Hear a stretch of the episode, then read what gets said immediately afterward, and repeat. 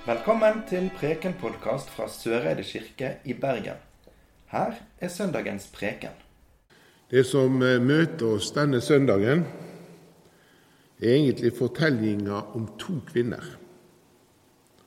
Den ene godt opp i åra, gift med en prest, og med en stor sorg i hjertet, fordi de var barnløse.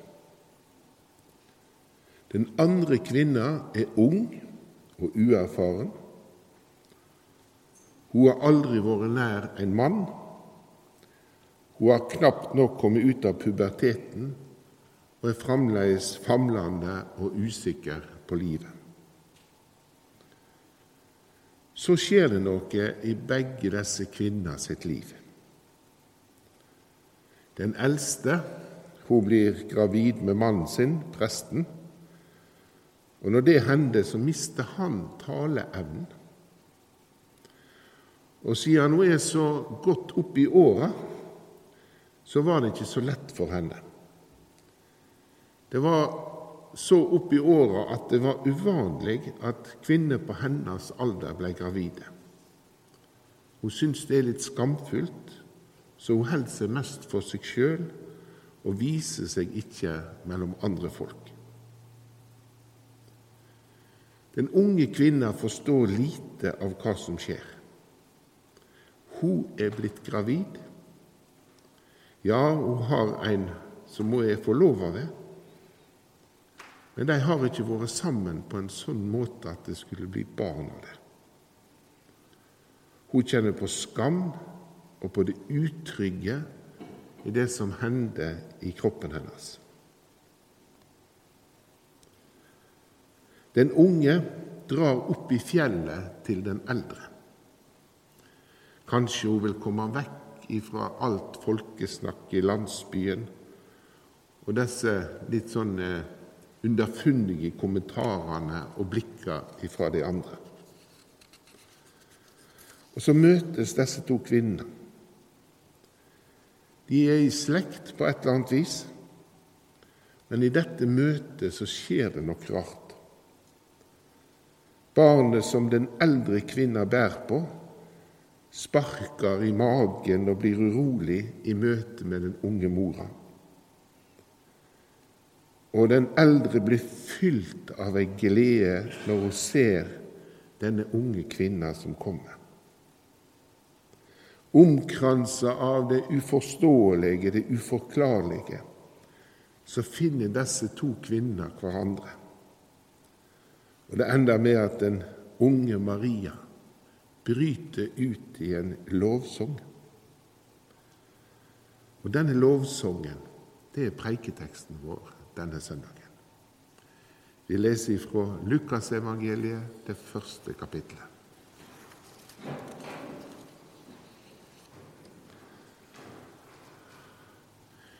Da sa Maria, Mi sjel høglover Herren og mi ånd fryder seg i Gud, min frelser. For han har sett til si tjenestekvinne i hennes fattigdom. Og sjå, fra nå av skal alle slekter prise meg sel. For store ting har han gjort mot meg, han den mektige. Heilagt er hans navn. For slekt til slekt varer hans miskunn over de som ottast han. Han gjorde storverk med sin sterke arm. Han spredde de som var på hovmodstanker i hjertet. Han støtte stormen ned fra trona og lyfta opp de låge. Han metta de sultne med gode gåver. Han sendte de rike tomhendte fra seg. Han tok seg av Israel sin tjener og kom i hug si miskunn slik han lova våre fedre, Abraham og hans ett, til evig tid. Slik lyder Herrens ord.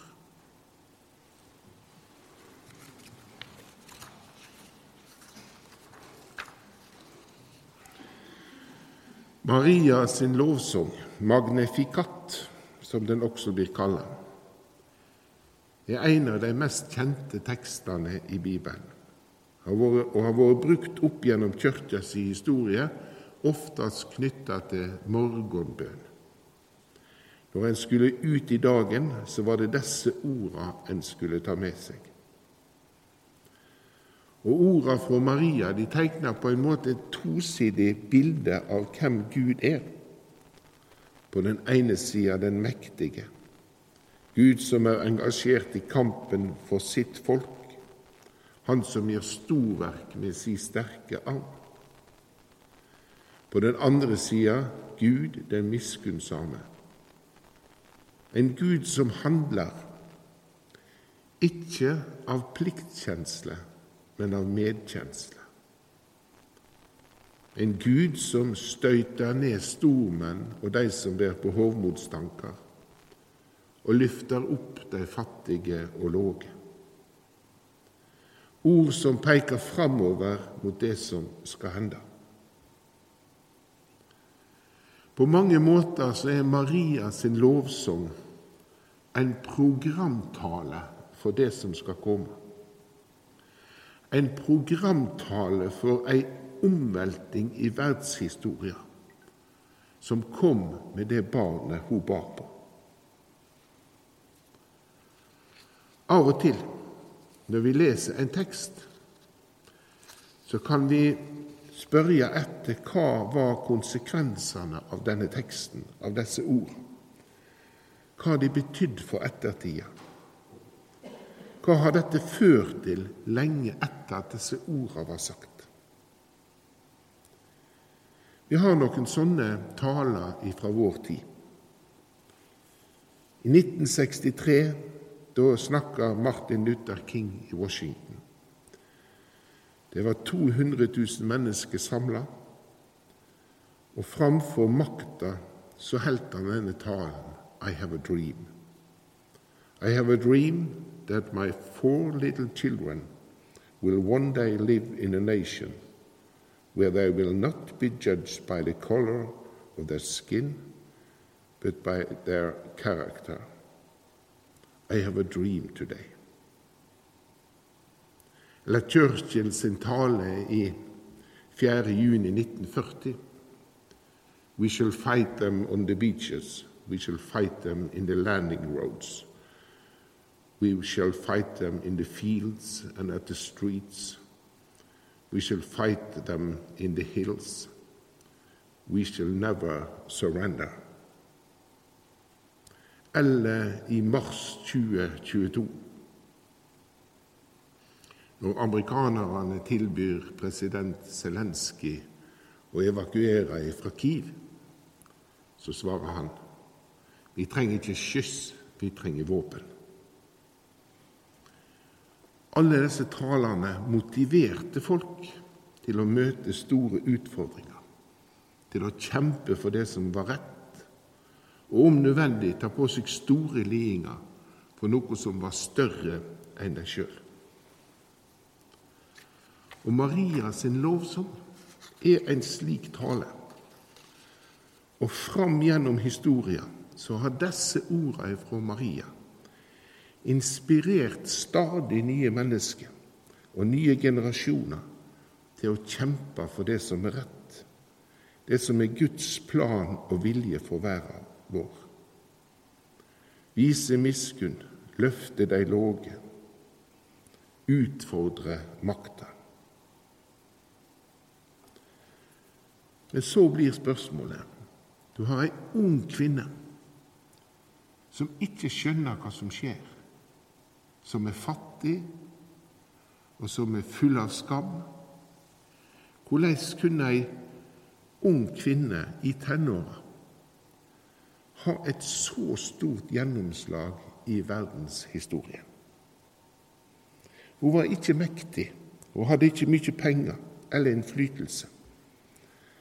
Eller sagt i vår tid hun hadde ikke mange følgere på sosiale medier. Det var nesten ingen som visste om henne.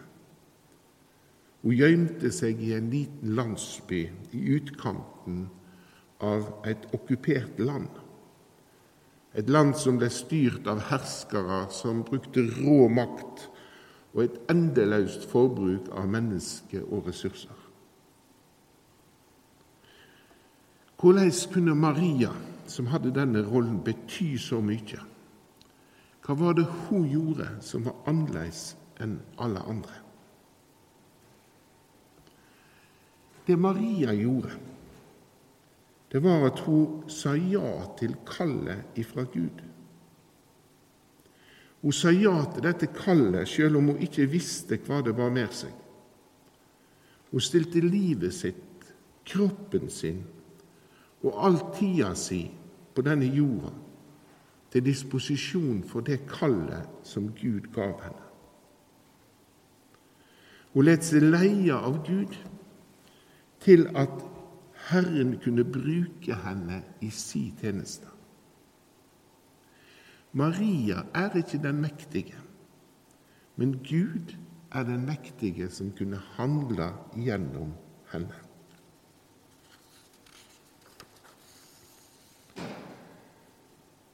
Vi lever i ei tid der de rike flytter til Sveits eller klager på nye skatter. Vi lever i ei tid der de mektige bruker makta si for å ødelegge andre. Vi lever i ei tid der penger og forbruk og nyting har stor merksemd. Vi lever i ei tid der vi måler mennesket sin suksess i kroner og øre. Og Samtidig så ser vi alle utfordringene, all uro for vår egen trygghet, for klimaet, for alt som er usikkert for kommende generasjoner. Og Vi leser historiene om flyktningene som er på vandring mot oss, eller som drukner i skrøpelige farkoster i Middelhavet. Kontrastene er så store, og maktesløysa kjem sigende innover oss. Ei maktesløyse som lett fører til motløyse og likesele. Og her kan vi lære mye av Maria. Sjøl om hun var den unge, enkle, sårbare og uvitende, så kunne hun gjøre en stor skilnad. Hun følgde kallet og stilte seg til rådvelde for den mektige og miskunnsomme Gud. Og Maria viser oss en vei framover en vei til en hemmelighet i vår kristne tru. Og det handler om å søke mot kjelda, mot det hellige rommet. Åpne oss opp for hva Gud vil gjøre gjennom meg med mitt liv. Stille oss til disposisjon, være en Herrens tjener. Og da kan underet skje. Da kan Gud bruke oss på måter vi ikke engang kunne funnet på eller tenkt på. Eller som Paulus sier det i andre Korinterbrev. Men Herren sa til meg, min nåde er nok for deg, for krafta blir fullenda i veikskap. Derfor vil jeg helst være stolt av veikskapen min, så Kristi kraft kan bo i meg. Og Derfor er jeg for Kristi skyld glad når jeg er veik, når jeg blir mishandla, når jeg er i nød, i forfølging og angst. For når jeg er veik, da er jeg sterk. Ære være Faderen og Sønnen og Den hellige ande, som var, er og være skal, en sann Gud fra evig og til evig. Amen. Du har nå hørt Preken-podkast fra Søreide kirke i Bergen. Følg oss gjerne på Facebook og Instagram, eller gå inn på vår nettside kirken.no. Takk for at du hørte på.